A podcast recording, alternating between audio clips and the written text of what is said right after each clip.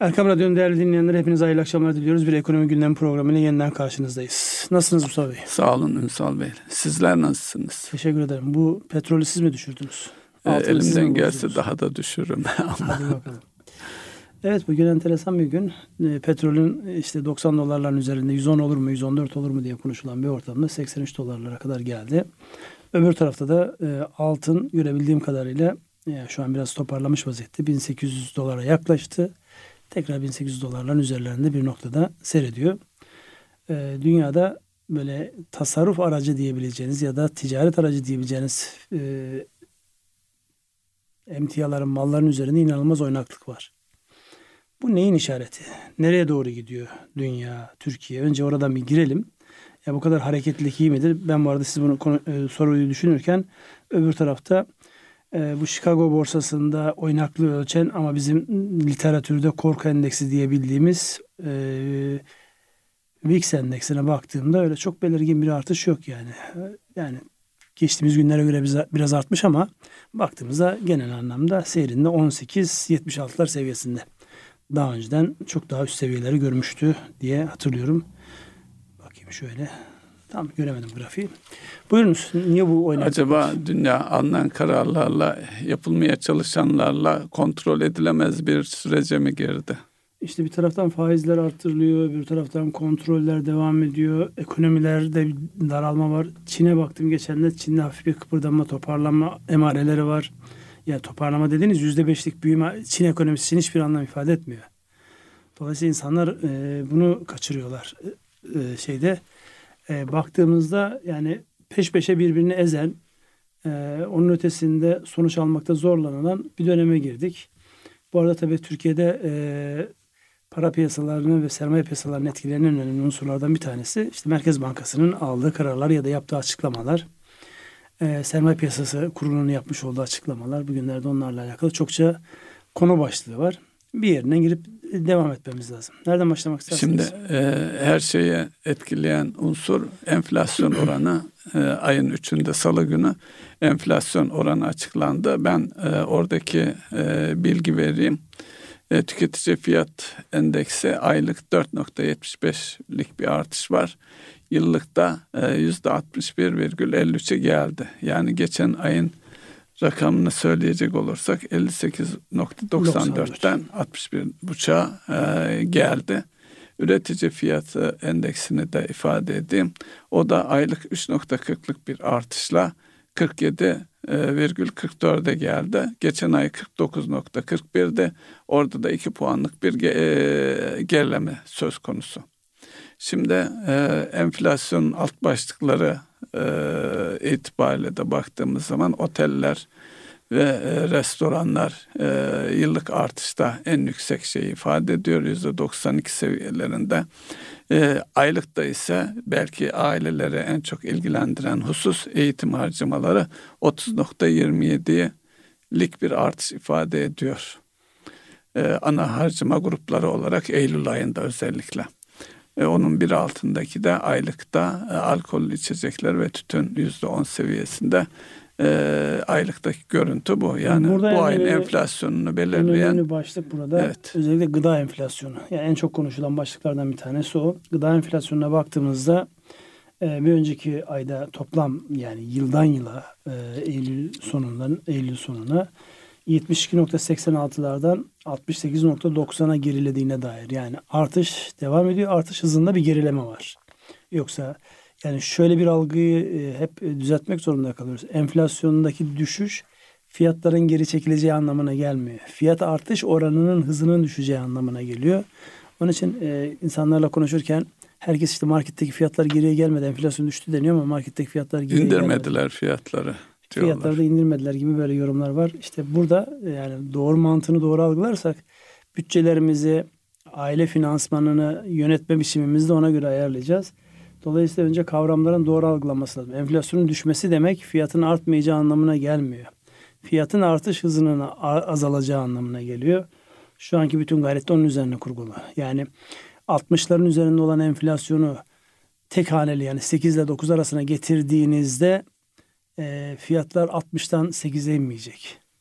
Fiyatların artış hızı 60'tan yüzde sekize inmiş olacak. Yani daha azaltmış olacak. Yani işte. bir araba düşünürsek 60 kilometre hızla giderken 8 kilometre hızla gitmeye Aynen. başlayacak. Dolayısıyla burada yani algı olarak e, genel anlamda işte ne zaman düzelecek ekonomi diye arkasından fiyatlar ne zaman geri gelecek sorusu geliyor. Fiyatlar geri gelmeyecek. Yerinde duruyor olması büyük bir başarı. Az artıyor olması ondan birazcık daha az bir başarı. Ama artacak. Artmaya devam edecek. Onu bir not olarak burada belirtmiş olalım. Ee, yani herkes işte araba almamış olanlar paralarını bekletip araba almaya çalışanların işte fiyatlar geri gelirse araba alayım tamam bir yüzde 10-15'lik bir gerileme oldu çünkü o bir köpük vardı. Heh, o Ama köpük. bundan sonraki süreçte aynı kalıyor olması araba fiyatlarının düştüğü anlamına gelecek. Öyle Evet. anlamak icap eder. Bazı ürünlerde yine köpük olabilir, balon olabilir. Onlarda da biraz geri gelmesi de doğaldır. O da e, şaşırtmamalı. Evet buradan enflasyonla alakalı ilave edeceğiniz bir şey var mı? Ee, enflasyonla alakalı olarak e, zaten e, sürekli konuştuğumuz için belki burada e, Merkez Bankası Başkanı'nın açıklamalarına burada konuşulabilir. Ha, Meclisteki açıklamalar mı yoksa genel anlamda? Evet, özellikle e, enflasyonun devam ed- etmesinden öte e, dezenflasyon büyümeden feragatla gerçekleşeceği yönündeki algıların yanlış olduğunu ifade etmiş. Yani enflasyona mücadele edeceğiz ama büyümeyi de sekteye uğratmayacağız gibi altını çizdiği bir husus var. Dolayısıyla bu e, değerli bir cümle. O cümle değerli ama insanlar özellikle günlük piyasayı yorumlayan, ekonomiyi yorumlayanların enteresan bir şekilde her söylenenden bunu bir yere yaslamak gibi bir e, özellik var. Yani onun üzerine zaten şeyde de soruldu, mecliste soruldu. Siz Cumhurbaşkanı ile sürekli mi görüşüyorsunuz şeklinde bir soru sorulmuş. Onun karşılığında da yani onu gerektirecek bir şey yok ki yani. Hükümetin bir stratejisi var. O strateji doğrultusunda Merkez Bankası'nın da kendi gerçekleri var. Ee, yani burada bir e, şöyle bir algı var. Özellikle faturayı e, hükümete özel- özelinde de Cumhurbaşkanı'na kesme merak olduğu için sanki her söylenen sözün, her atılan adımın altında Cumhurbaşkanı'nın o konuyla alakalı mutlak iradesi varmış gibi bir e, algı ekibi. Halbuki Cumhurbaşkanı bu konuyla alakalı şunu söyledi. Getirdiğimiz arkadaşlar işin ehli insanlar. Onlar ne yaparsa biz onlara gemiyi teslim ettik. Onları götürecekler şeklinde. Yani anlamsız bir tartışmaya giriyoruz. Özellikle e, bu tip e, konularda yani e, Merkez Bankası Başkanı'nın çok keskin değil de daha böyle e, geçişken açıklamalar yapmasını hemen böyle bir negatife yorma. Bu da e, şeye uydu. Yani mevcut sisteme uydu gibi böyle enteresan garip yorumlar oluyor. İnsan ister istemez üzülüyor yani. Odağı kaçırıyoruz çünkü burada. Bir gerçek var. Şu an Merkez Bankası. Gerçi bu hafta rezervlere baktığımızda rezervler yani 15 hafta üst üste devam eden e, rezerv artışı bu hafta bir geriye çekildi. 3 milyar dolar kadar geriye çekildi. Normaldir bunlar. Piyasalar o kadar işliyor ki. Dün hatırlarsanız e, piyasanın en e, şey zamanında Dışişleri Bakanı'nın yapmış olduğu bir açıklamanın üzerine sonra işte Amerika ile yani ciddi bir kapışmaya girildi. İHA düşürüldü, SİHA düşürüldü şeyiyle piyasalar bir çalkalandı ne olacak? Bir kaos mu bekliyor bizi diye. Yani bu haberler olacaktır yani. Dünyada güç dengeleri kurulmak istendiği sürece bunlar olacaktır. Bu haberleri birileri alacak, birileri satacaktır yani. Hiç ötesi birisi yok. Ee, Evet, e, daha önce de siz bunu söylediğinizde e, gemimizi batırmışlardı. E, Bir Evet. tatbikatta o bilinçli bir şeydi herhalde. Yerine bir e, o günün koşullarında 90'lı yıllar e, külüstür bir gemiyi vererek gönül almaya çalışmışlardı. Evet, e, Merkez Bankası'nın e, başka açıklamaları da var. Özellikle e, şeyle ilgili, ihracatçı firmalarla ilgili e, en son faiz artışıyla birlikte politika faiz oranı yüzde otuz'a çıkartıldığı zaman onların ihracatçıya olan maliyetleri e, yüzde 45'lere kadar gelmişti. Dolayısıyla bu ciddi bir e, özellikle ihracatçı firmalarda e, sıkıntıya neden oldu. Bunu çözme adına yeni bir gelişme var. O da Merkez Bankası e, artık e, nasıl halledileceğini e, zaman içerisinde o da netleşmiştir. E, ihracatçıya e, reskont kaynaklı e, kredinin maliyetinin e, politika faizini geçmemesi üzerine bir karar var. Yani yüzde otuzu geçmeyecek. Dolayısıyla bu e, ihracatçı firmalara soluk aldırıyor. Bu arada limitler de artırılmış durumda. 5 milyonla 250 milyon arasında e, en fazla eleştiri e, gelen alan oydu sanıyorum. Siz cari açık konusuna gireceksiniz orada. Yok cari açık konusuna girmeden e, önce. Enflasyon e, şeyin e, ihracatçıların e, oradaki mücadelesini vurgulamak lazım. Önemli bir karar daha var. O da şu e, net ihracatçı e, olmak diye bir kavram var. Yani siz ihracat yaparken e, bunun yanı sıra ithalat da yapıyorsanız ikisinin farkı alınarak ihracatçı mısın net olarak ithalatçı mısın sorusu soruluyordu. Şimdi e, ihracatçı firmaların yatırımlarla ilgili ithalatları bunun haricinde tutulacak. Dolayısıyla ihracat yapan firmaları teşvik eden yönde çok önemli bir karar olduğunu düşünüyorum. Şimdi burada e, siz onu söylerken yani hani ihracatçının kullanacağı krediler politika faiz oranını geçmeyecek diyorsunuz ya.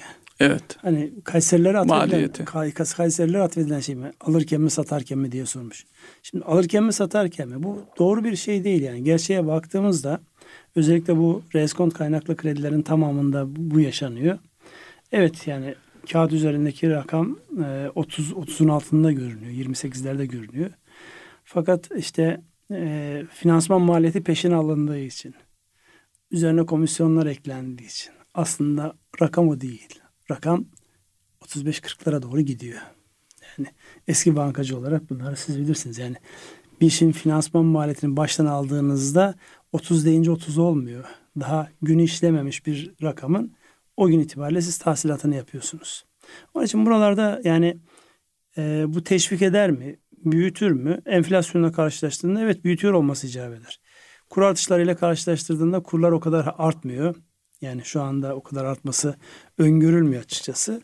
Dolayısıyla çok ince hesap yapmak gerekiyor. Yani finansmandan para kazanmak yerine ihracatçıların sattıkları malı mal etmenin kendisinden para kazanıyor olmaları icap eder. Finansmanı ince hesabı olarak yani böyle bıçak sırtı şeklinde eğer finansmanın üzerinden para kazanarak ihracatçı olmaya çalışıyorlarsa her an değişebilir. Kurlar geriyebilir, gelebilir. istedikleri gibi artmayabilir. Dolayısıyla orada e, bıçak sırtında olması gereken şey üretimin maliyetinin gerçekten ihracatı destekliyor olup olmadığıdır.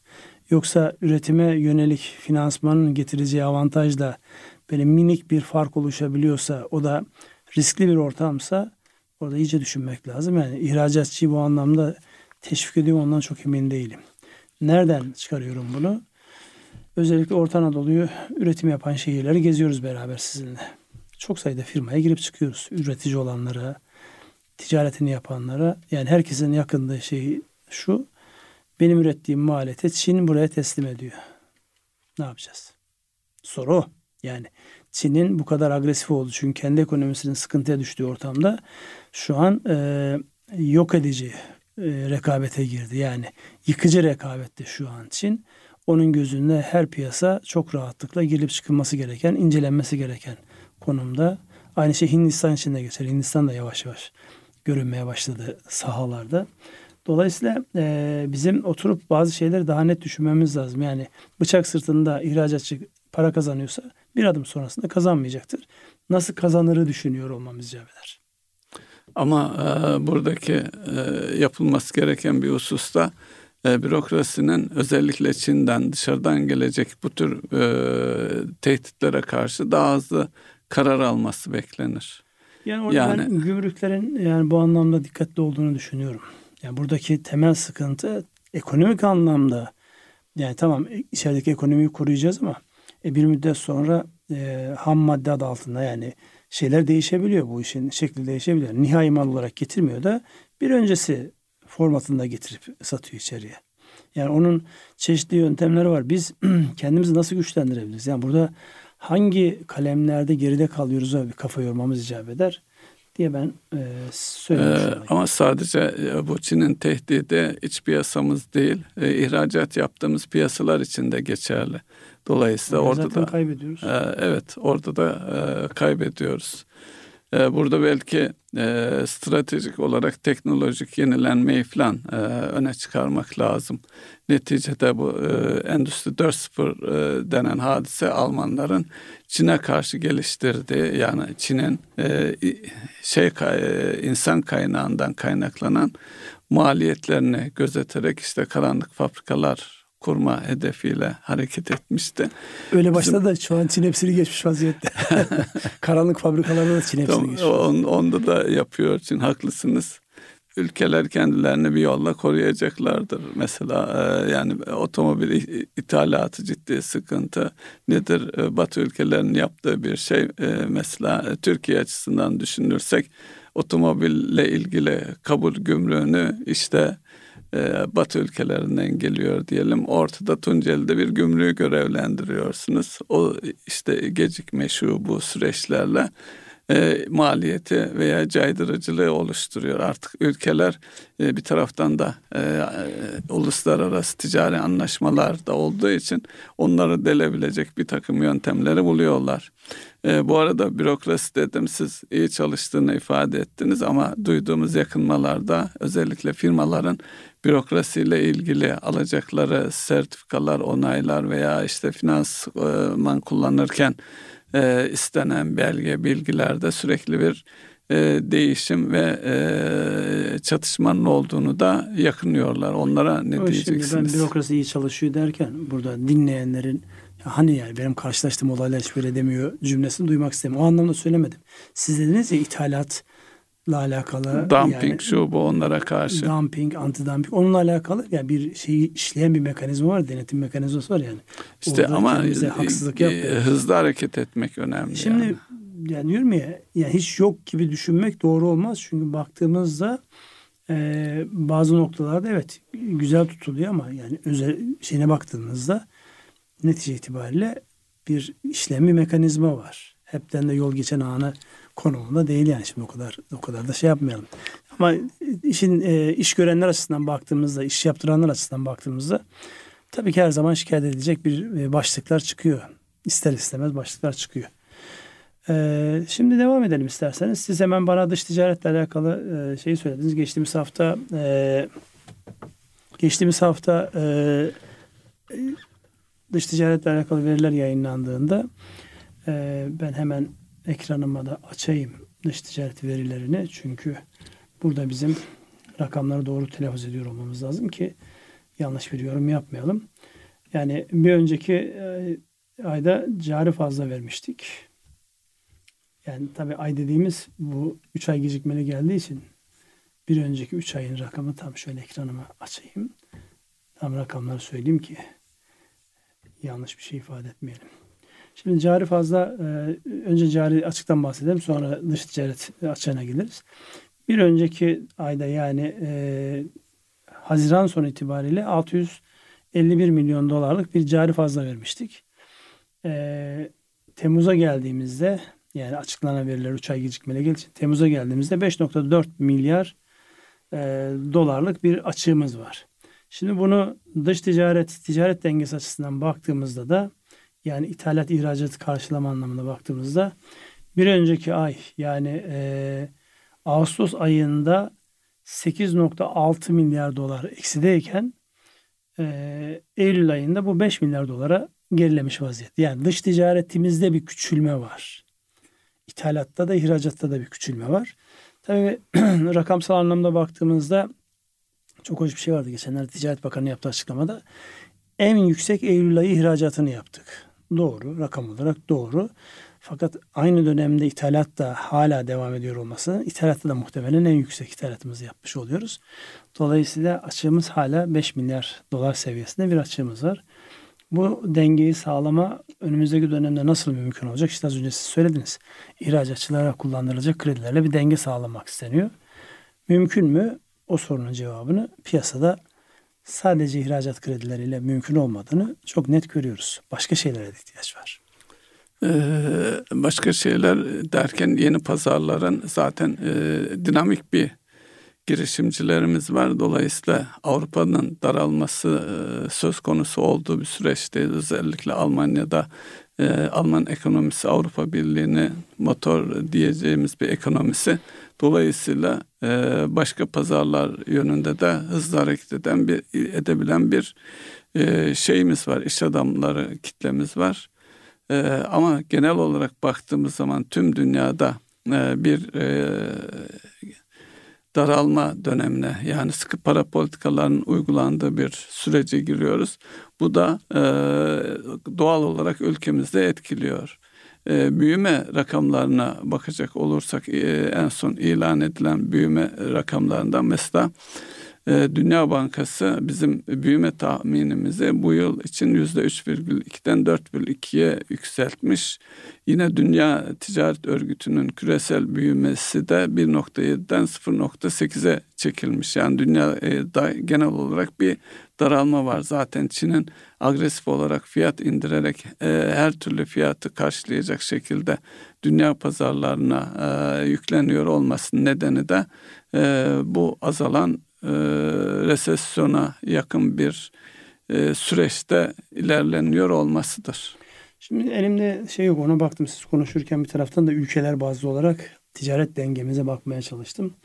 Tam e, daha önceden not aldığım tabloyu bulamıyorum. Ama son açıklanan verilerde yani bizim 5 milyar dolar açık vermiş olduğumuz dengede en büyük ihracatı kime yapmışız diye baktığımızda 1.9 milyar dolarla Almanya'ya yapmışız. Almanya onun için bizim önemli. Bugün de zaten Almanya'nın e, üretim e, istatistikleriyle alakalı e, bir büyüme rakamı gelmiş. 3.9 herkesi böyle şaşırtan bir şekilde 3.9'luk büyüme gelince yani geçen hafta da hatırlarsanız bunun esprisini yapmıştık. Almanya'nın büyüyeceğine, büyümesine dua etmek ve sevinmek e, gibi bir noktadayız. Gerçekten bizim açımızdan önemli. Çünkü en önemli partnerimiz. Fakat öbür taraftan ithalat ayağına baktığımızda, bakın enerji de dahil olmak üzere ithalat ayağına baktığımızda en büyük ithalatımız tahmin edersiniz ki Çin'den evet. ve 3.7 milyar dolar. Yani sadece en büyük ihracat ülkemizde en büyük ithalat ülkesini karşılaştırdığımız zaman 1'e 2 fark var. Yani 1.9 3.7 yuvarlayın evet. 3.8 diye. Evet.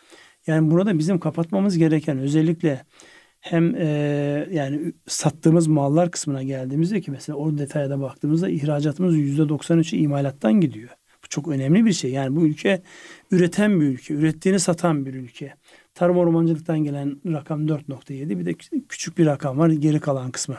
Dolayısıyla burada baktığımızda imalattan satan bir ülke olarak dünyanın en büyük imalatçısı olan Çin'i en büyük ithalatçımız olarak dibimize dayamış olmamız yani ham madde olarak da alıyoruz belki ama yarı mamul alma ihtimalimiz çok daha kuvvetli muhtemel. Enerjiden daha fazla bir bedel ödüyoruz biz e, Çin'den yapmış olduğumuz ithalata. Ee, Çin'den e, tabii Çin'in fiyatları özellikle e, rastladığımız şeyde yatırım mallarında da Çin'in ciddi bir avantajı var. Ancak son dönemde de mesela otomotiv ile ilgili e, geçen dönemde e, yani şu son e, içinde bulunduğumuz yılda yeni Çin markaları geliyor ve çok satan araçlar içerisinde Çinlilerin de yer almaya başladığı bir gerçek. Bunlar da e, işte tehdit tarafında değerlendirmemiz gerekiyor. Evet, buna biraz değindik. Yani dedim dış ticaret tarafı ve cari açık tarafında Türkiye'nin e, Mehmet Şimşek'in de özellikle belirttiği enflasyondan sonra en önemli başlığımız cari açık kısmı. Bu da bizi e, gündemimizde meşgul etmeye devam edecek. Öbür taraftan e, son dönemde en yoğun bir şekilde özellikle iş dünyasından gelen husus seçimlerden önce vaat edilen e, ve kısmen de başlayan bir husus vardı. Merkez Bankası kaynaklarından uzun vadeli yatırım imkanı. Yani e, yöntem şöyleydi ana hatlarıyla bahsedeyim. Sizin arsanız var, fabrika yatırımı yapacaksınız. Ana hatlarıyla bu yapacağınız yatırımın fabrikaya arsayı siz koyuyorsunuz. Geri kalan kısmının finansmanını Merkez Bankası kaynaklarından ağırlıklı olarak e, kamu bankaları ama bütün bankalara kaynak merkezi olduğu için böyle bir süreç başlatılmıştı. Şu an konuştuğumuz herkesten şu soru geliyor. Ne zaman? Bunun önü ne zaman açılacak? Yani şu an e, malumunuz az önce de konuştuk. E, Merkez Bankası reel konut kredileri 12 ay vadeye kadar kullandırılıyor. Yani söylem olarak belki daha uzun vadeli, daha düşük maliyetli falan gibi görünse dahi daha dün bir kamu bankasının şube müdürüyle konuştum. Dedim ki ne yapıyorsunuz? Yani e, biz de diyor bazı şeyleri basından duyuyoruz ama uygulamaya geldiğimiz şu an kullandırabildiğimiz en e, net ve sürekli arz eden kaynak reeskont kredisi, reeskont kaynaklı kredi o da 12 ay. Finansmanı peşin alınıyor. 12 ayı geçmiyor. 30'un altında gibi finansman gözüküyor. Aslında 30'un e, epey bir üzerine çıkıyor. Dolayısıyla yani henüz daha o istenen yatırım, ihracat ayağında kredideki rahatlama tamam bireysel tarafının kesildiğini biliyoruz. Ama işletmelerin üreten ülkenin az önceki o dış ticaret verilerinde de yüzde 93'ünü imalattan ihraç eden bir ülkenin imalatının destekleniyor olması icap eder ki bu sürekli arz. Yoksa orada çuvallayacağız. Ee, peki şimdi enflasyonun ana kaynaklarından birinin kurlardaki artış olduğunu biliyoruz. Şu geçtiğimiz sürece baktığımız zaman enflasyon oranıyla kur, kurlardaki artış oranını kıyasladığımızda kurların daha alt seviyede kaldığını görüyoruz.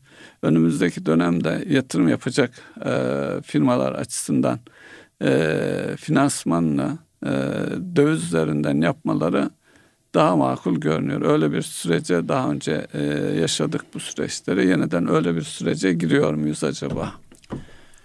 Yani yatırımların döviz üzerinden finansmanı e, makul görünür eğer kurlarda bir öngörülebilirlik var ise.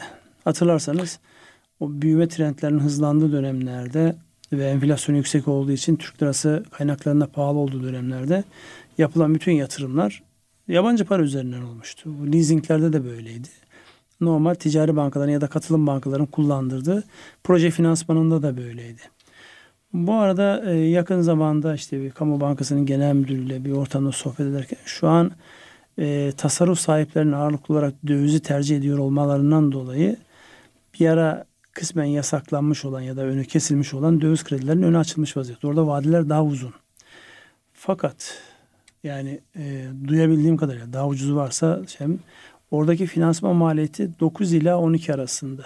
Sadece çıplak finansmandan bahsediyorum. Onun üzerine komisyonlar, işte tahsis bilmem neler falan gibi yan şeylerle nereye geliyor bilmiyorum. Yani düşünün kurun kaç arttığını bilmiyorsunuz. Ama finansman gideri olarak ortalamasını alalım. Yüzde on üzerinden borçlandınız. Yatırımın bu anlamda geri dönüşünün çok iyi oluyor, çok iyi hesaplanıyor olması icap eder. Yani bizim burada en önemli e, sıkıntılarımızdan bir tanesi finansal okuryazarlık konusunda tüccarca bakış açısıyla finansçı bakış açısı arasındaki temel fark tüccar böyle bir gökyüzüne bakıyor şöyle bir kafayı sallayıp şuradan şu olur buradan bu olur tamam diyor biz 5 yılda başa başa yakalarız. Kağıt üzerinde göster diyorsun kağıt üzerinde öyle bir şey görünmüyor. Yani sonuca baktığında e, tüccarlar zengin olmaya devam ettikleri sürece demek ki onların hesabı daha doğru. Ama kağıt üzerinde öyle bir şey söylemiyor. Tabii büyük bir risk. Özellikle ihracat yapan firmalar yapacağı yatırımı e, döviz üzerinden rahatlıkla yapabilir diye düşünüyorum. Ya işte orada zaten getirilmeye çalışılan husus da o yani. İhracat yani ihracat değil döviz üreten bir tarafın olsun. İleride ihracat yani mal ihracatı değil hizmet ihracatı da olabilir bu anlamda. Dolayısıyla buraya döviz üzerinden e, ama dediğim gibi maliyet yani Türkiye'de şu an devletin bile onların üzerinde Eurobondlar ihraç ettiği bir ortamda döviz kredilerinin yıllık maliyeti yüzde onun altında değil. Leasing de olsa e, normal ticari bir şey de olsa hesabı ona göre iyi yapmak lazım. Kur artışlarını diyorsanız kur artışlarını tahmin edebilse zaten herkes evet. oturur e, allame olur. Ama şu bir gerçek enflasyonla da mücadele ediyorsanız kurla kurları belli bir seviyede tutmanız gerekiyor.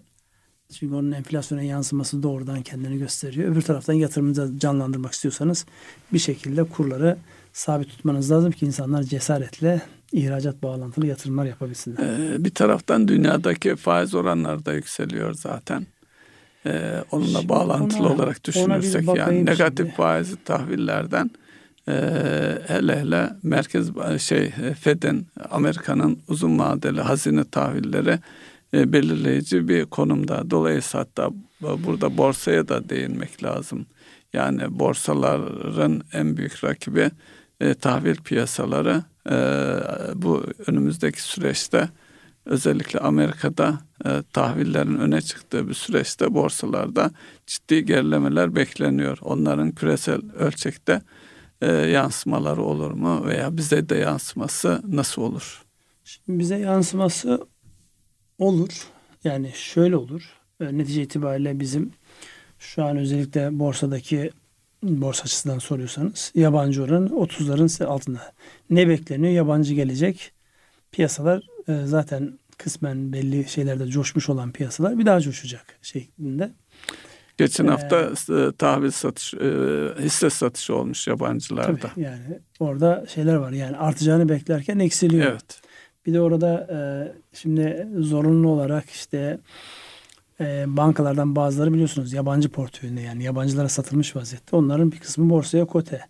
Onların piyasadaki değeri artınca yabancı elinde olduğu için bankanın kendisi her tarafı otomatik olarak sanki yabancılar hisse alıyormuş gibi bir algı da var orada. Yani bir illüzyon da var. Yani ama gerçek anlamda şunu söylemek icap ederse henüz yatırımcı anlamında gelip gitmedi. Yani böyle gir çık yapıyorlar. Hedge fonlar girip çıkıyor yani riski seven fonlar girip çıkıyor ama gerçek anlamda henüz daha bir yatırımcı e, net profili görülmüş değil borsa tarafında. Şimdi tahvile geldiğimizde tahvilde şöyle bir rahatlığımız var. E, yabancı yok tahvilde. Türkiye'de yani artık yüzde birin bile altına inmiş vaziyette. Dolayısıyla Türkiye'deki tahvil piyasası bu anlamda yani yabancı gelmezse nasıl olur diye sorusun zaten yabancı yok orada. Etkilenme şansı yok. Ama söylemiş olduğunuz özellikle o yabancı para e, üzerinden e, borçlanma konusunda Amerikan tahvillerinin işte cazibesini yukarıda tutması ve o cazibe karşılığında yabancı fonların bize gelmeme ihtimali düşündüğümüzde e, evet bu etkileyecektir. Yani herkes e, yılın ikinci yarısından itibaren Amerikan faizlerinin geriye çekileceği, Fed'in biraz geri adım atacağını söylemekle beraber ama gerçek öyle olmadı. Amerika şu an yani önümüzdeki günlerde tekrar artırabilir. Şöyle bir baktığımızda politika faiz oranları açısından e, Amerika 5.50, Çin 3.45, Avrupa bölgesi ortalama olarak 4.50, Japonya eksi 0.10 hala bakın yıllardır ekonomiyi canlandıracağım diye ekside olmasına rağmen hala istedikleri kıvama gelmedi. Ee, bir şansları onlar da şeye seviniyorlar. Enflasyon çıktı diye. 3.2 enflasyon var ona seviniyorlar. Şimdi sadece buradan baktığımızda mesela Japon tasarruf sahipleri e, enflasyondan dolayı zarar yazıyorlar. Ama ona rağmen mala hücum etmiyorlar. Yani paraları yıllık bazda baktığınızda yüzde üç, yüzde dört banka ödedikleri komisyonlar saydığınızda yüzde beş küçülmesine rağmen mal almak gibi bir dertleri yok. Paraların Yaş ortalaması yukarıda. E, her şeyleri var. E, öyle de bakılabilir. Yani evet öyle de bakılabilir. Bu arada JP Morgan'ın Türk lirası ucuz devalüasyona e, gerek yok ve e, rezerv kaybetmeden e, döviz kurunu istikrarlı olarak tutabilir gibi bir yorumu var. Bir taraftan da e, işte ihracatçılar için kurda hafif kıpırdanmalar bekleniyor. Şimdi buna katılır mısınız? Yani orada ona katılırım. Sadece e, JP Morgan'ın değil, diğer yatırım bankaları da Türkiye ile alakalı benzer sinyaller veriyorlar. Büyüme beklentilerini yukarı çekiyorlar. Fakat e, bir gerçek var. Türkiye yatırım yapılabilir notunu almadığı sürece ki geçen hafta bir tanesi biliyorsunuz görünümü negatiften durağına, durağına. E, çevirdi. Yani bir not artışı yok orada. Ancak Türkiye'deki yani hareketlenme yatırım yapılabilire yaklaştığı oranda hızlanabilir diye düşünüyorum. Ya onun haricinde bu tip açıklamalar önümüzdeki dönemde devam edecektir. Ama bir gerçek şu an parayı yöneten taraflar yani Mehmet Şimşek, Hafize Gaye Erkan, diğer e, şeylere baktığımızda uluslararası finans çevreleriyle yakın iletişim halinde olan insanlar, bilinen insanlar. Dolayısıyla Türkiye'yi daha fazla gündem yapmak, Türkiye'de yani e, risk iştahı yüksek olanları Türkiye'ye çekerek e, kaynak ihtiyacımızı karşılamak noktasında önümüzdeki günlerde buralarda farklı gelişmeler olabilir diye ben de düşünüyorum açıkçası. Bu arada şeye girelim isterseniz. E, bu halka arzlarla alakalı sizin gözleminiz nedir? Her hafta iki tane firma geliyor. E, son iki haftadır halka arz olmadı yalnız. Hı hı.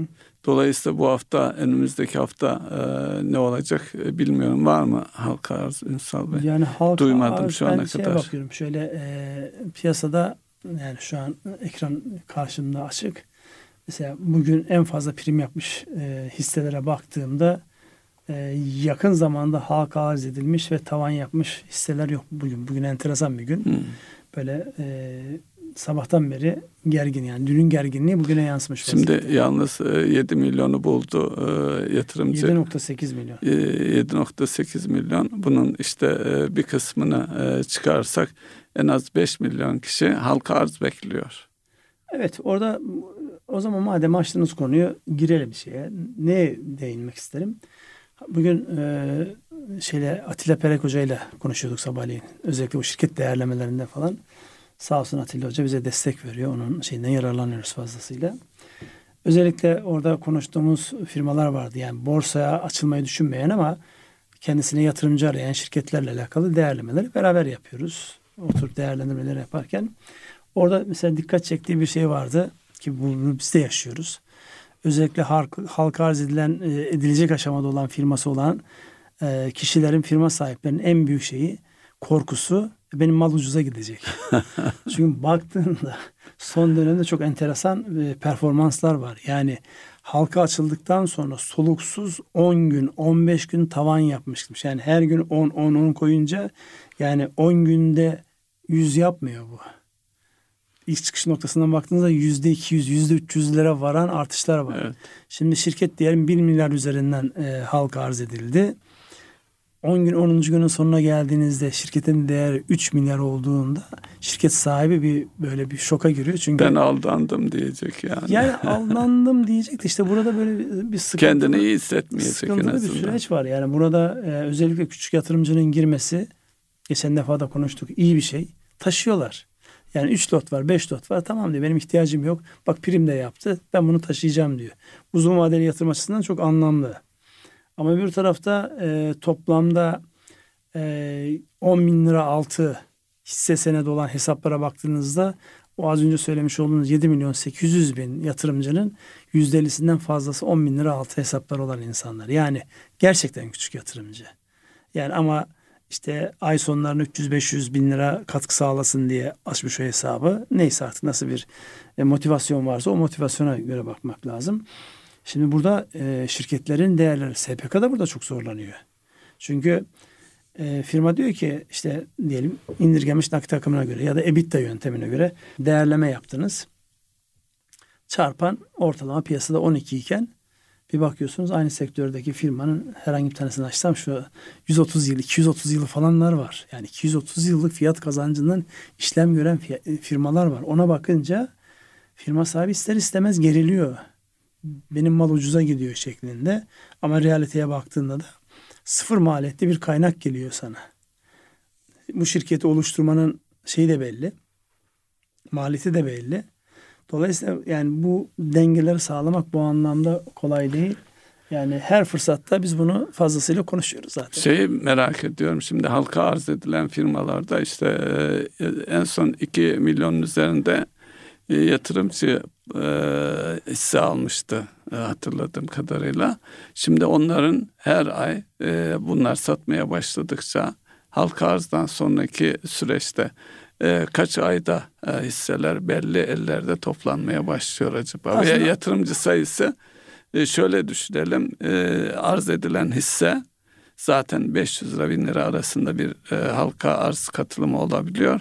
Dolayısıyla e, bu rakam ortalama rakam kaça kadar çıkıyor acaba? Şimdi Böyle bir onu, istatistik onu var mı? Ama önem arz eden bir istatistik firma diye ismi vermeden e, yani firma ismi vermeden bir tane ekran açtım. Yakın zamanda halka açılmış. 1, 2, 3, 4, 5, 6. Altıncı tavanında orada yani e, şey olarak yani piyasadaki dönen halk arz edilmiş tutar kadar hisse bir böyle bir el değiştirmiş. Yani orada birileri maliyetlenmiş. Ama ondan sonra şirketin hisse aşağı doğru gidiyor. İkinci günde yani o tavandan bozuldu. ikinci günde yine hacim yüksek. Sonra hacim şimdi iyice şeylere düşmüş vaziyette. Yani e, e, şey rakam olarak da baktığımda e, ne kadarlık fark var? Buradan yukarıdan aşağı geldiğimde yaklaşık yüzde 25 20-25 gibi bir geri çekilme var. Yani arz tamam, edildiği fiyattan zirve fiyattan e, evet, 25 geri geriye çekilmiş. Ama ilk çıktığı fiyattan yüzde 90 gitmiş yukarıya. Hmm. Şimdi yüzde 90'dan 25 geri Hala yüzde 90 karlı durumda. Ama tepe noktasında bir el değiştirmiş yani. Birileri o fiyattan almışlar. Hmm. Fakat şu anki işlem hacmi iyice dip yaptığı için oradan baktığımızda artık insanlar tutuyorlar burada. O ikinci tavan çözüldükten sonra alanlar da artık bir şey yapmıyor. Onlar da bekliyor. Zaten rakam küçük olduğu için belki avantaj da orada. Hayır toplayanlar hani bir yerde Evet. toplanıyor diyorsunuz ya. Onlar da bekliyor. Onların diyorsunuz. ortalama aldıkları rakam yani tavandan geriye baktığımızda yüzde on ila 20 arasındaki bir eksiyle almışlar. Şimdi ondan sonraki geriye çekilme yani ikinci aşamada alanların da şu an aslında şeyde zararına o malları taşıyorlar. Birileri de yüzde on aşağıda Evet, e, birileri %10 kaybetmiş aşağıda taşıyor. Ya onlar diyorsunuz. İntihar ediyorlar yani. intihar Veya onlar ederken uzun vadeli düşünüyor. mecburen uzun vadeli. Çünkü burada zarar realize ettiği zaman sermayesi küçülmüş o vaziyette bir başka yere geçmek zorunda. Dolayısıyla bu enteresan bir bakış açısı. Yani burada yani kaynağa ulaşmada borsa e, ve sermaye piyasaları çok değerli bir e, kanal. O değerli kanalın e, sağlıklı yürüyebilmesi için de yani halka arzdan sonra böyle yüzde yüz, yüzde iki yüz prim yapması değil de daha makul. Yani yüzde yirmi iskontolu açılıyor biliyorsunuz zaten. Diyelim yüzde yirmi gitti tamam ona varım. Bir yirmi daha gitsin. O da yani firmanın işte performansının gelecek olan maliyetsiz kaynaktan dolayı iyi olacağı varsayımını onu da kabul. Ama ondan sonrasının yani makul mantıklı bir açıklaması yok. Gerçekten makul mantıklı bir açıklaması yok. İşte burada da dengeli olmak gerekiyor. Yani e, dolayısıyla halka arzlar evet şu anki SPK'nın uygulamasından dolayı güzel bir trend yakaladı. E, rakamlar da büyüyor giderek yani birkaç milyar TL'lik halka arzlar Evet. olmaya başladı. Bunlar da ciddi kaynak çekilişi demek. Yeni kaynak geliyorsa mesele yok ama mevcut kaynak dönüyorsa bir müddet sonra çok zaten sığ olan borsamız iyice sığlaşma ihtimali Peki kuvvetle muhtemel. borsa ile ilgili e, borsanın uzun vadeli ayakta kalması veya avantaj oluşturması açısından e, BES'le ilgili veya BES'e benzer kıdem tazminat fonu gibi bir takım şeylerle desteklense e, o kaynak? Yani şu an sizin bildiğiniz Şimdi bildiğiniz firmalar firma da var mı? Firmaların bir fir- bekleyen Firmaların bir köşesinde bekliyordu. En son EYT'yi hatırlayalım. Orada da ne oldu? EYT'de Borçhanesinde bekliyor. ödenmesi için ama yani ne o öyle kadar bir para yok. devlet tekrar kredi vermek zorunda kaldı. E tamam işte öyle bir para yok yani. O borçhanesine yazmış kıdem tazminatı karşılığı diye yazmış oraya. Yani normalde giderleştirerek yıllara şey yapması lazım ama bu birden yaptığınız zaman bilançolar allak bullak olur. Aynı EYT'de olduğu gibi. En azından bir, bir yerden başlatmakta yarar var ya. Bunu daha önceden önerildi yani. Buna yönelik fon kurulması, o kaynağın dışarı Evet. çıkarılması ama tabii firmaların kaynak diye e, bir anlamda tırmaladıkları bir ortamda bir de böyle bir şey yaparsanız e, bayağı sıkıntılı bir e, süreç başlatırsınız. EYT'nin şokunu daha birçok işletme atlatabilmiş, atlatabilmiş değil. değil, diyorsunuz. Yani iki yönden atlatabilmiş değil. Getirdiği finans yükünü atlatabilmiş değil. İkincisi de kaybettikleri elemanları yerine koyabilmiş değiller. Ee, belki ikincisi daha kritik bir husus. İkincisi Bazı bundan sonra için. zaten çok daha kritik olacak. Yani şu an insanların şunu çok net bilmesi lazım.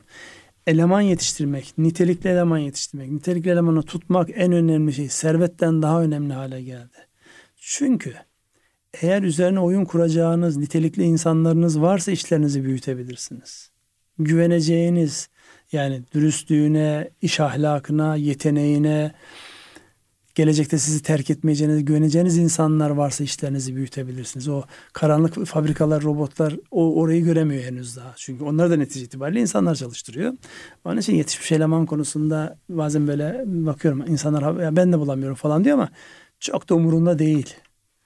Ama bu çok da umurunda olmayan tavır önümüzdeki dönemde hepimize bedel ödetecek. Bize de ödetecek. Yani biz de şu gençleri danışmanlık tarafında cazip hale getirip burada tutmamız icap eder. Aksi takdirde bildiklerimizi aktaracağımız insanlar kalmıyor çevremizde. Evet. Onlar da böyle teknolojik şeyleri seviyorlar biliyorsunuz. Ama genel olarak e, dünyadaki büyük danışmanlık firmalarına baktığımız zaman gençleri alıyorlar. 3-5 yıl içerisinde e, başka sektörlere, firmalara e, ama o firmalarda o danışmanlık şirketine iş getirmeye devam ediyor. 3 sene sonra siz başlattığınız insana bir firmada finans müdürü olarak ya da işte 5 sene 7 sene sonra CFO ki ya çok hızlı geliyorlar artık oralara. Yapacağınızın taahhüdünü verin. Aynı şeyi ben de yapayım. Gerçi kendimiz için de denetimden başladığımız için diğer e, normal şeyden başlayanlara Çok göre hızlı tabii. daha hızlı terfi ettik. Yani baktığınızda yani ben kendi Biz de yaşadık. kendi evet, kıdemimden biliyorum. Ben 8. yılımda genel müdür yardımcısı olarak e, bankada başlamıştım o dönem itibariyle. Yani finans sektörünün en genç genel müdür yardımcılarından bir tanesi olarak. Yani Evet. şimdi düşünüyorum bunu normalde memur olarak başlasan 8. Evet yılda hatırlıyorum. nerede- Genç ve dinamik bir şimdi diyorsun yaşlandın artık. Yok Şey estağfurullah şu anda daha tecrübeli, daha dingin. Tabii tabii.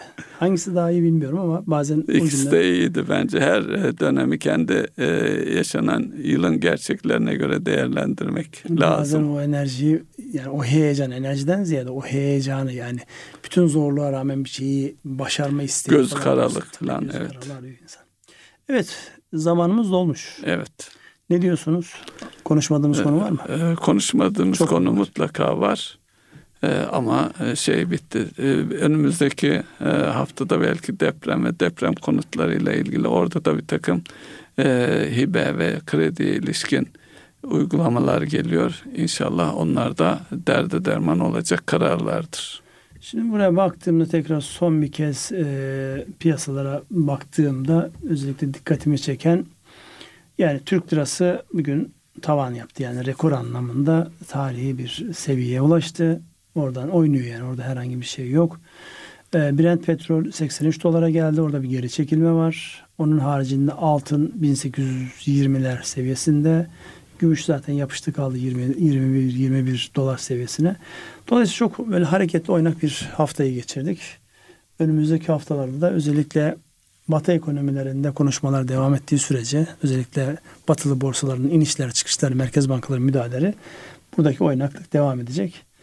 Ee, tekrar aynı habere gözüm takıldı. Almanya'da fabrika siparişlerindeki sürpriz artış herkesi sevindirdi diye bir şey var. Pazarımız olması sebebiyle biz de sevindik buna. Evet bitirelim. Buyurun. Erkam Radyo'nun değerli dinleyenleri bir ekonomi gündem programının daha sonuna geldik. Dilimizin döndüğünce haftalık gelişmeleri anlatmaya çalıştık. Hayırlı akşamlar diliyoruz. Hayırlı akşamlar.